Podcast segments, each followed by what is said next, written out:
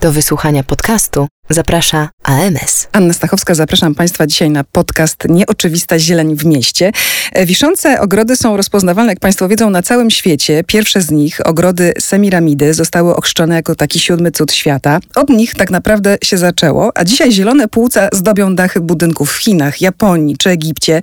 Mają nie tylko właściwości estetyczne, ale także są bardzo ekologiczne, mając taki swój udział w ograniczeniu emisji dwutlenku węgla. Zupełnie jak ekowiaty EMS, to jest największy tego typu system w Europie Środkowo-Wschodniej, który liczy 100 obiektów w Polsce, których zielone dachy są coraz bardziej rozpoznawalne. W Polsce może Państwo już taką właśnie ekowiatę widzieli.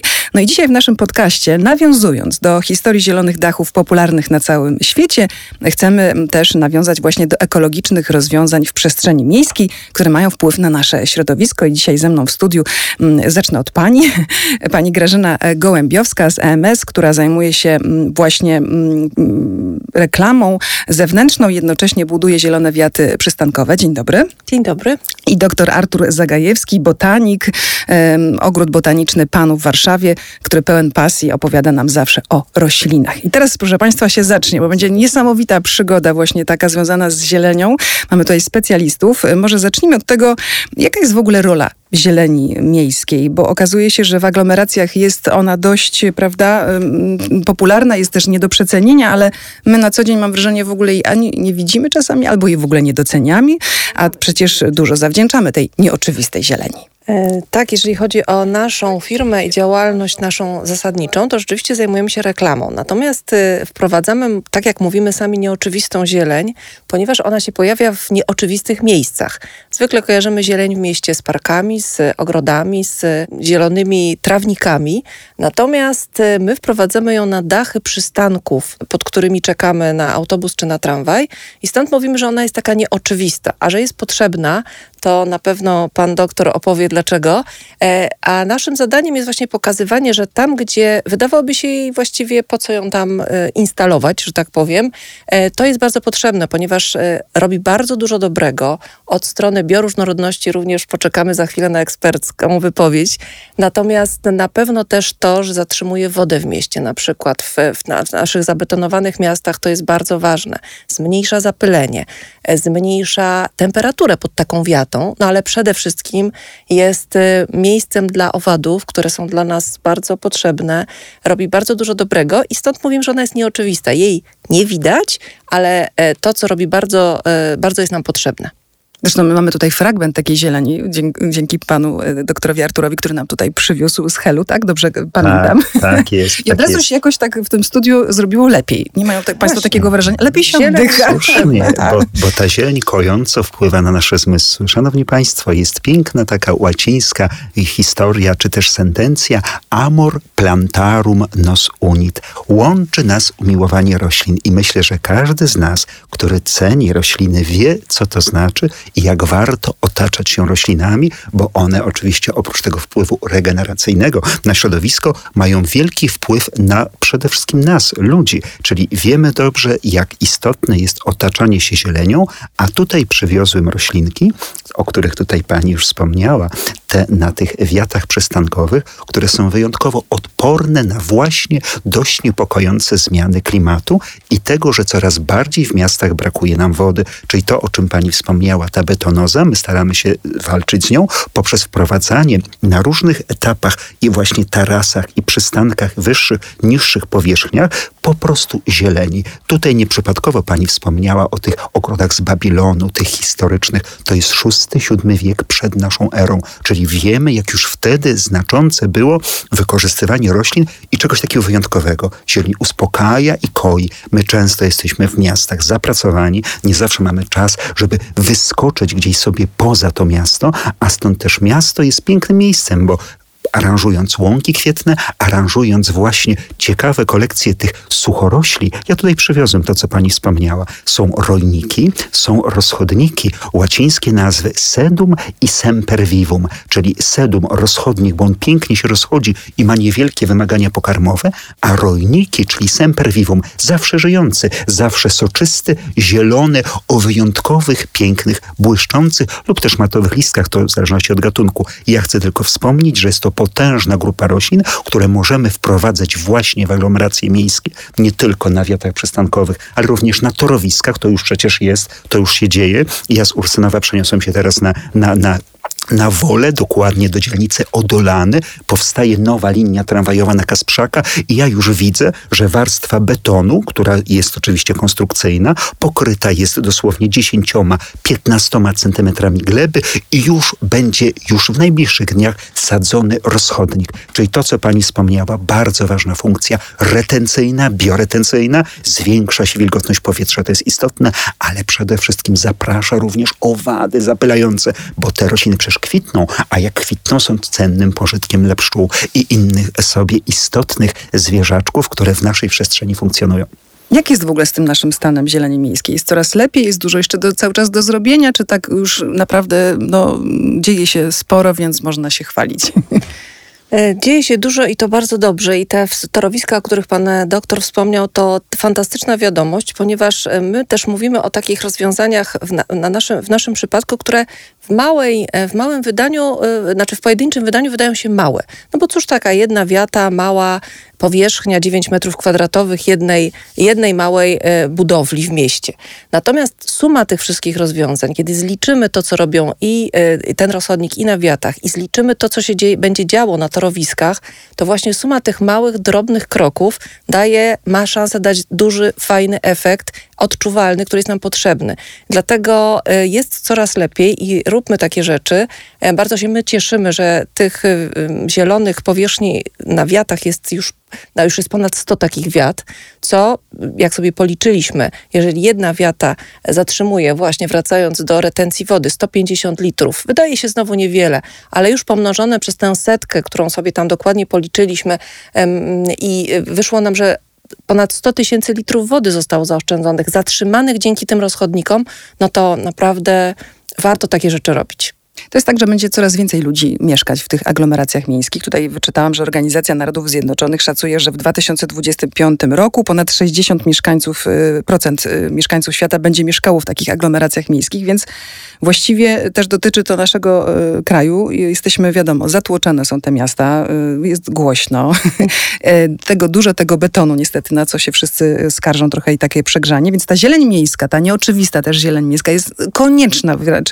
Ale co, co możemy nazwać nazwać tą zielenią miejską. Co to jest? Bo to się okazuje, że to do tego e, pojęcia możemy dużo bardzo wrzucić. Tak, to jest pojęcie bardzo szerokie i wszystko zależy od tego, jaką mamy glebę i jakie mamy możliwości. My wiemy, że w tych dużych aglomeracjach miejskich, w miastach, mamy gleby bardzo przekształcone, zmienione przez człowieka. Są to tak zwane gleby antropogeniczne, czyli gleby, które po prostu mają za dużo elementów budowlanych, są może brakuje jej wody, często są zasolone, czyli są to skrajne warunki. Stąd też musimy w naszych przestrzeniach bazować i iść w stronę roślin, które są idealnie przystosowane do tych skrajnych warunków. Wiemy, że wody mamy coraz mniej. Tu pani wspomniała o retencji, to jest bardzo ważne. Każdy jak może, to nawet gromadzi sobie tą wodę o oszczędzaniu, nie marnowaniu wody, to jest oddzielna rzecz. Natomiast wybieramy rośliny, które same w sobie, samej sobie określeniu i określeniach są jak nazywane? Są to suchorośla lub też kserofity lub też sklerofity, czyli rośliny typowe dla dość takich warunków pustynnych, tak? Bo my w mieście takie mamy. I oczywiście mamy piękne parki. Warszawa naprawdę jest zielona i warto też otaczać się. Ja widzę, jak ja popatrzę sobie z mojego szesnastego piętra, to ja widzę piękne po prostu przestrzenie parków, które żyją i tętnią. I to jest fajne, bo tam już stworzył się prawdziwy ekosystem. Ale w nowych aranżacjach potrzebujemy właśnie iść w stronę tych roślin pionierskich, które dopiero zaczynają swoją przygodę i są odporne na bardzo skrajne warunki Nieprzypadkowo tutaj państwo komponują właśnie rozchodniki, rojniki, może czasami trawy, prawda, taką wydmuchrzycę piaskową, piaskownicę zwyczajną, bo są to rośliny jakby ściągnięte z tych takich piaszczystych, ubogich siedlisk. Dzięki temu one fizjologicznie przystosowały się do tego, żeby gromadzić wodę Nazwa sukulenty na pewno Państwu coś mówi. Sukulentus z łaciny oznacza soczysty. A zatem jeżeli wezmę tego swojego ładnego rojnika i wezmę mu jeden listek, to nie przeszkadza jeden, to on jest dość mięsisty. Posiada w swoim składzie dużo wody na czas niedoboru wody. Czyli to jest taka mini retencja. My możemy się uczyć, prawda? I przede wszystkim dość z pokorą podchodzić do, do właśnie tego fascynującego świata roślin, bo one przede wszystkim na, na nas mają bardzo ważny wpływ i mogą być w tych przestrzeniach aranżowane, bo są odporne, prawda?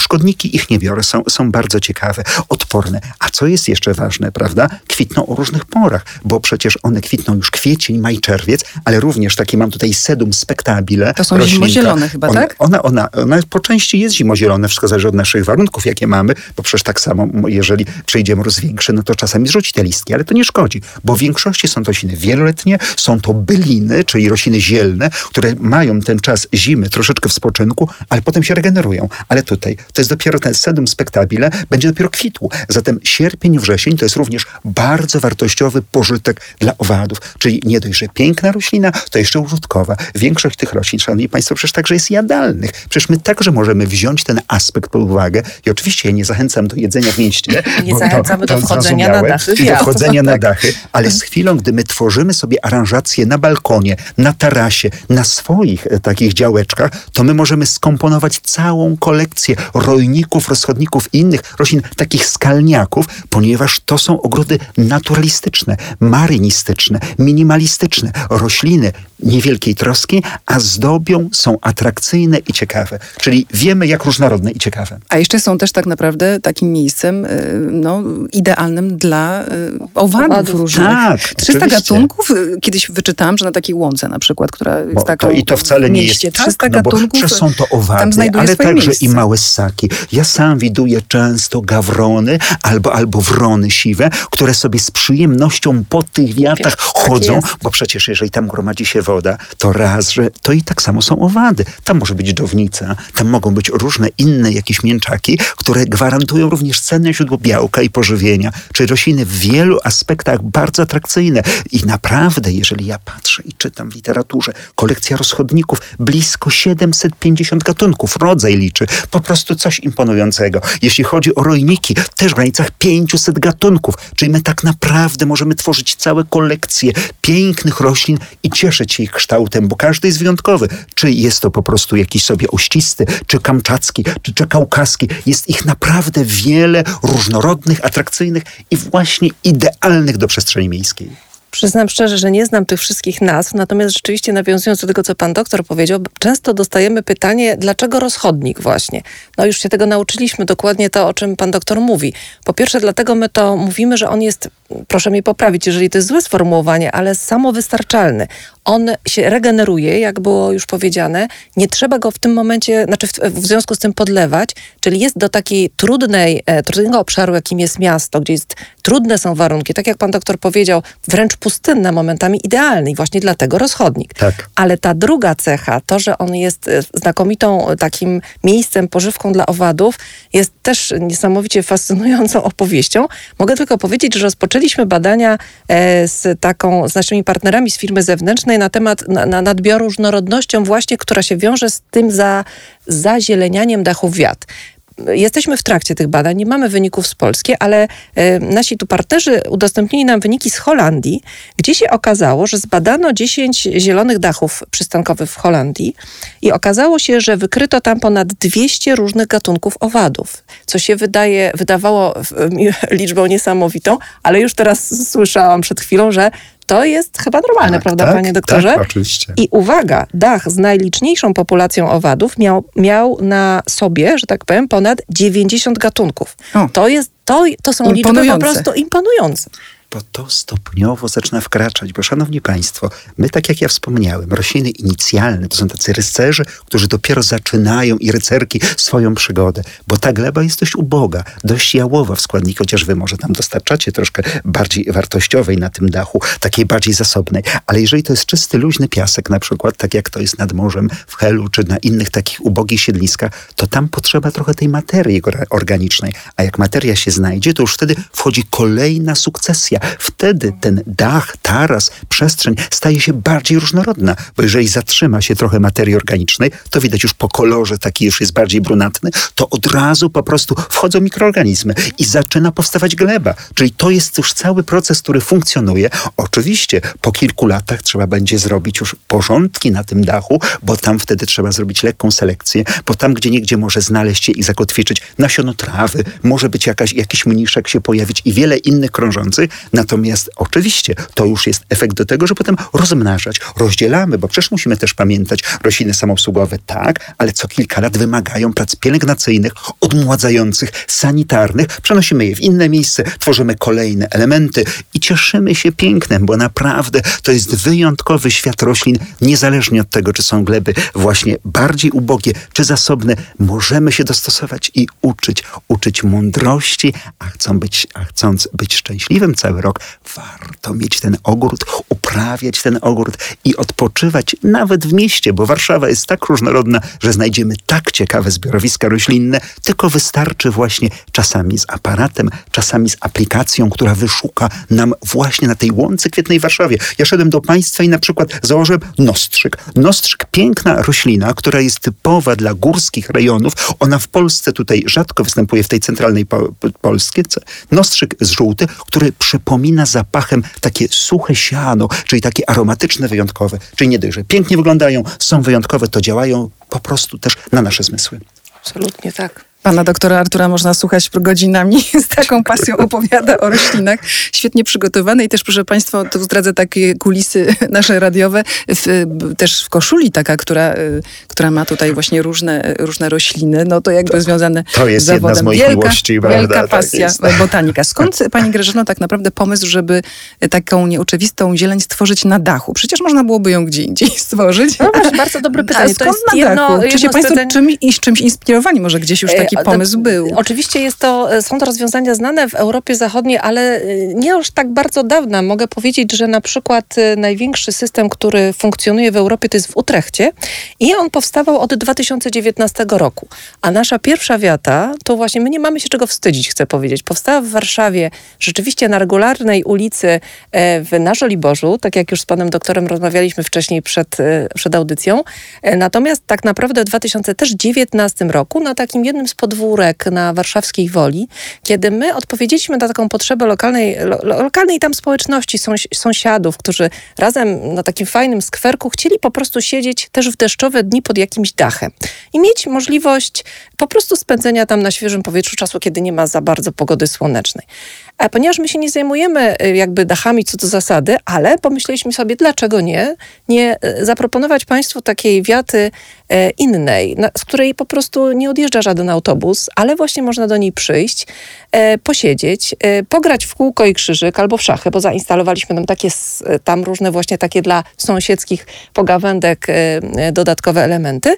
I jednocześnie oczywiście po, podjąć wyzwanie tego eksperymentu, o którym wiedzieliśmy. Dużo eksperymentujemy, patrzymy na różne nowości, wprowadzamy, staramy się je wprowadzać u nas i tam powstał tak naprawdę pierwszy zielony dach w Warszawie, właśnie na tym podwórku. E, I funkcjonuje do dziś e, i e, spełnia fantastycznie swoją rolę, a kolejne lata to oczywiście rozwój w Warszawie, a też w innych miastach. Natomiast dlaczego na dachu? No, po pierwsze jest to płaska powierzchnia znakomita do tego, żeby te rozchodniki tam sobie świetnie się rozwijały, ale też po drugie, to jest jedno z pytań, które też dajemy, no przecież właściwie można było go takiego przystanku postawić, y, posadzić drzewo. drzewo. Otóż y, pamiętajmy, że jesteśmy w mieście i że miasto ma swoją całą infrastrukturę podziemną, y, złożoną z, z, kabli, z różnych y, y, y rur, których, y, które, których my nie widzimy, natomiast one uniemożliwiają bardzo często właśnie w najbliższym sąsiedztwie przystanku posadzenie na przykład drzewa.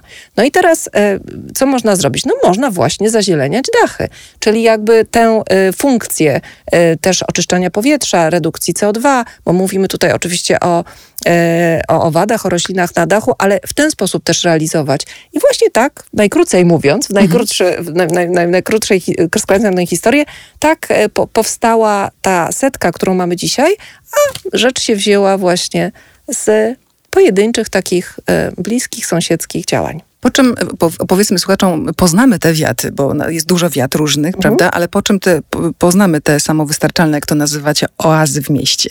Tak, tak, bardzo jesteśmy z nich dumni, e, bo zieloność dachu to jeden z elementów takiej, e, takiej zielonej wiaty. Ona jest też e, bezpieczna dla ptaków, jest specjalnie oznaczona we współpracy z Fundacją Szklane Pułapki. Przygotowaliśmy taki kropkowy element, kropki takie, takie całe kropkowe powierzchnie, które mają też oznaczenie, że to jest obiekt przyjazny ptakom i jednocześnie taką naklejkę, która mówi, że właśnie jest to wiata przyjazna środowisku i odsyła do, poprzez QR kod, który się tam znajduje, do różnych e, właśnie fajnych rzeczy, które można się dowiedzieć, e, co, ta, co na tej wiacie jest. Oprócz tego oczywiście tego też nie widać, e, jest tam energooszczędne oświetlenie, a ekwiwalent, no bo nie bezpośrednio, ale ekwiwalent pozyskujemy z odnawialnych źródeł energii, który zakupujemy do oświetlenia tych wiat. Także jest to taki cały zestaw rozwiązań prośrodowiskowych, a ponieważ jesteśmy firmą reklamową, to też to już jest poza jakby rozchodnikiem, ale warto o tym też powiedzieć, że za każdą reklamę, którą e, klient od nas kupi i reklamuje swoje tam produkty, sadzimy drzewo. Jeden do jednego. Mhm. To, I to się okazuje, że tak globalni konsumenci y, też są cztery razy bardziej skłonni do tego, żeby na przykład właśnie y, używać produkty marek, które się y, jakby reklamują na takich wiatach. Tak, ten trend y, już jest widoczny i u nas bardzo y, przybiera na sile, ponieważ dokładnie badania w ogóle pokazują, wspomniała Pani o tym, że w tych miastach będzie nas coraz więcej. I świadomość też bardzo dobrze i oczekiwania mieszkańców po prostu rosną w stosunku do tych y, potrzeb takich prośrodowiskowych, ale też w stosunku do marek, które, się, które, które oferują swoje produkty.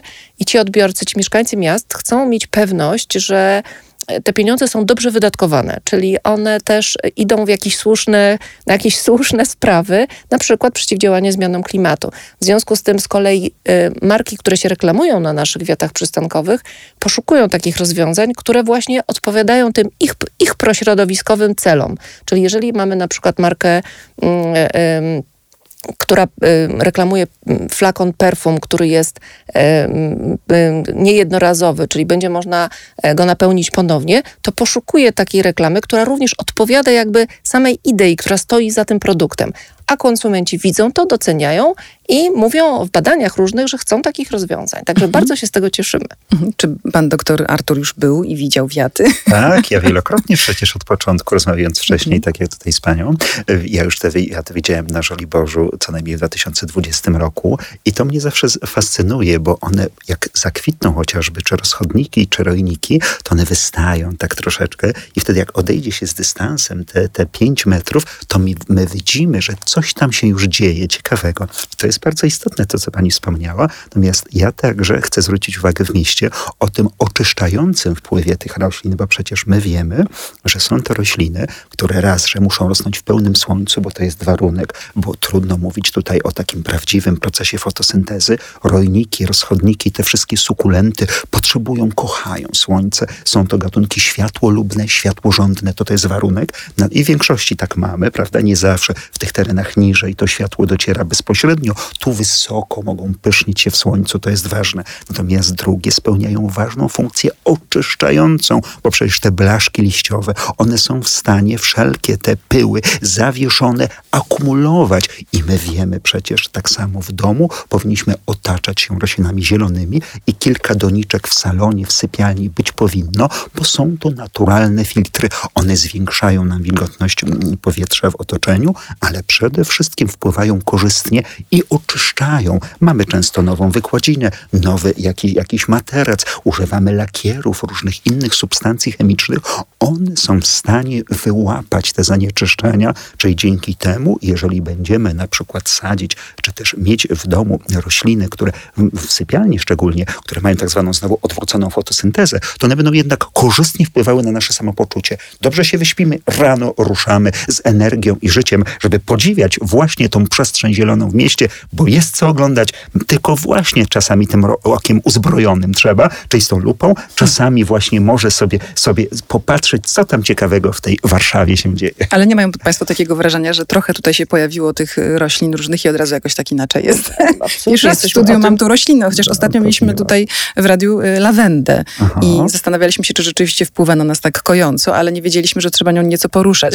Chodzi o ten zapach, o olejki eteryczne To jest normalne. zapach, Zieleń tak. uspokaja i wiemy dobrze, że jeżeli ten kolor tutaj na pani blacie jest troszeczkę taki niepokojący, Czerwony. To, czerwony, to ta zieleń będzie koiła. I tutaj nie ma co oszukiwać. My naprawdę powinniśmy, to pamiętamy zawsze, pamiętajcie o ogrodach, przecież Tak. stamtąd przyszliście. W żar epoki, prawda? To wszystko ma naprawdę sens, głęboki sens. My wróćmy tylko do tych opowieści naszych babć, naszych dziadków, pradziadków i wróćmy do tego magicznego świata roślin. A w Warszawie naprawdę fajnie się żyje. Urodziłem się w Warszawie, mieszkam tyle lat i wiem dobrze, jak ładna ta Warszawa się staje. Coraz bardziej jest zielona i też sadzone są rośliny odporne. Pani wspomniała o drzewach. Ja cieszę się, że wprowadzane są platany klonolistne, rośliny, które jako jedne z ostatnich zrzucają liście. Czyli tak naprawdę listopad mamy prawdziwy, bo te liście dopiero spadają w listopadzie. Są piękne blaszki liściowe, zdrowe, odporne na- na zanieczyszczenie środowiska, odporne na zasolenie, na antropopresję. Czyli drzewa jak najbardziej właściwe do tych warunków miejskich i dodatkowo jeszcze te sukulenty o niewielkim systemie korzeniowym, które mogą zdobić niewielkie przestrzenie. To jeszcze tak na koniec się pochwalmy, no bo wiemy, że ta budowa tych ekowiat y, z tymi zielonymi dachami i energooszczędnym oświetleniem to jest taki realny wymiar do, tego, do tej realizacji strategii zrównoważone- zrównoważonego rozwoju.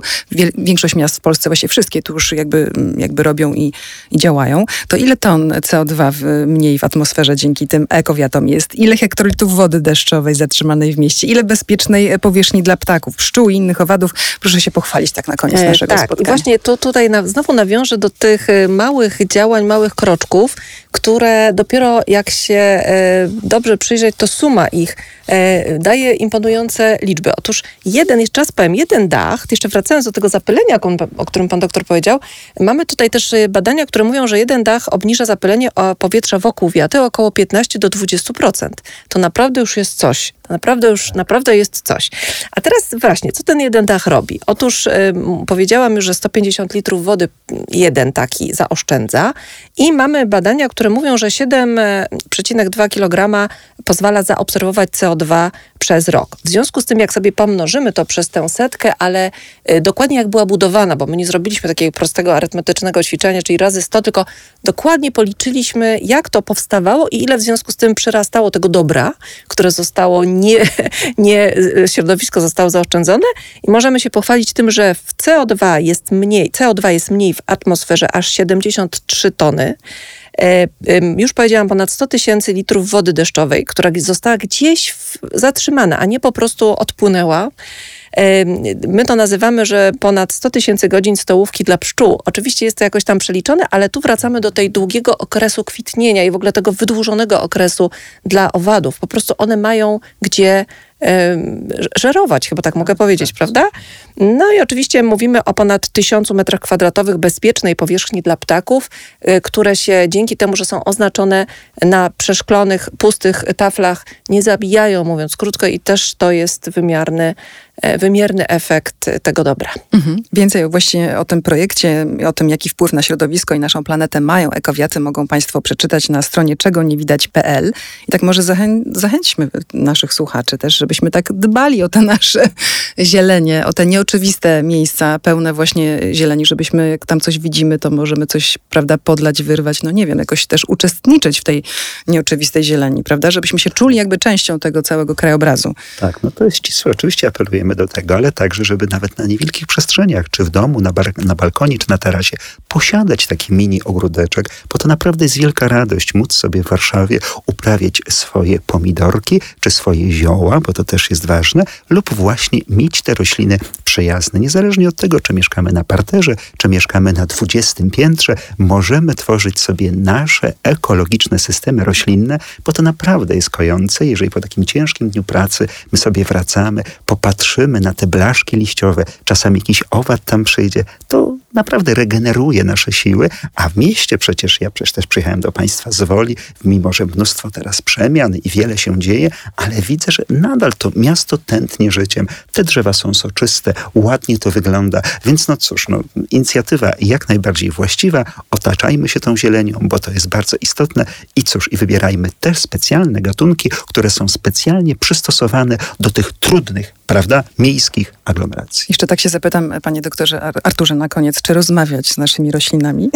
No, rozmawianie to jest poświęcanie im czasu, więc to Mhm. oczywiście jest ścisła zależność. My wiemy, przecież wspominaliśmy sekretne życie drzew, prawda? Piękna pozycja, którą każdy miłośnik ogrodów powinien przeczytać i troszeczkę tak wewnętrznie we- wziąć ją do siebie, bo rozmawianie z roślinami to poświęcanie im czasu. To są nasi sprzymierzeńcy, to są nasi przyjaciele.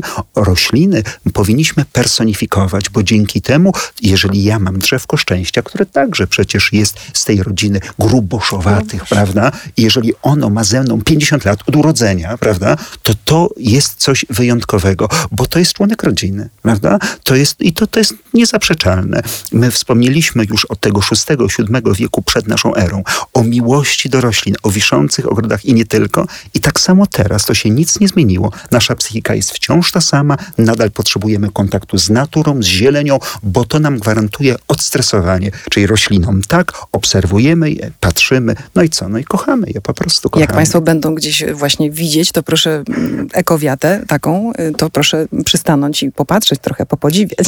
Jasne. Ja myślę, że pan doktor już też e, powiedział wcześniej najpiękniejszą puentę, jaką można tutaj e, też e, podsumować to spotkanie i w ogóle pamiętajmy o ogrodach. Tak, one naprawdę są z nami, niezależnie od tego, czy będą miały 10 na 10 centymetrów, czy będą hektary powierzchni. To są piękne rośliny i warto się nimi otaczać, bo nie dość, że mają walory te prozdrowotne, to jeszcze w większości są użytkowe, I jeszcze są prawda? bardzo mądre, I- się no, okazuje. mądre, Bo no. kwitną tam, gdzie im dobrze. Tak, mądre, mądrze gospodarują wodą i w przypadku sukulentów, ja mogę powiedzieć, jestem w nich zakochany, oczarowany jestem tą mądrością, bo one na czas niepogody, na suszy magazynują sobie wodę. A jak to jest ważne, wiemy przecież w dzisiejszych czasach. Retencja wody jest ważna, żeby ona nie uciekła szybciutko, prawda, i spłynęła gdzieś daleko, tylko żeby ją zatrzymać w obiegu, czyli poprzez właśnie wprowadzanie takich wiatr, wprowadzanie tych naturalnych filtrów, bo dzięki temu i wilgotność, i samopoczucie, i przede wszystkim wprowadzamy do miasta wiele sprzymierzeńców, chociażby zwierząt, po prostu zwierząt. Dziękuję Państwu pięknie za to nasze Dziękujemy spotkanie. Zrobiło się Dziękuję. tak naprawdę wyjątkowo roślinnie. E, Przypomnę, dzisiaj e, moimi gośćmi była pani Grażyna Gołębiowska z EMS, e, która zajmuje się reklamą zewnętrzną, jednocześnie też buduje zielone wiaty przystankowe, a także dr Artur Zagajewski, botanik, pracujący w ogrodzie botanicznym Pan w Warszawie, który, jak Państwo słyszeli, pełen pasji nam zawsze o tych roślinach opowiada. Dziękujemy bardzo. Czyli coś, sadzimy, Sadzimy, tak jest. przebywamy mimo- jak najwięcej Tak jest. Sierpień to jest czas, gdzie teraz już powoli rośliny przygotowują się do tej jesieni, więc tak, ale to jest idealny czas właśnie, żeby zrobić nowe aranżacje, bo wrzesień, październik, rośliny wtedy troszeczkę spokojniejsze są i możemy wtedy sadzić, wybieramy się do centrum jakiegoś ogrodniczego i tworzymy nowe aranżacje. Idealny czas na porządki, na to, żeby w przyszłym roku i przez wiele lat pięknie wszystko nam zakwitło i rosło. Dziękuję Państwu Dziękujemy. pięknie za nasze Dziękujemy spotkanie. gorąco. Rozmowę prowadziła Anna Stachowska. Do usłyszenia. Dziękujemy pięknie. Do wysłuchania podcastu zaprosił AMS.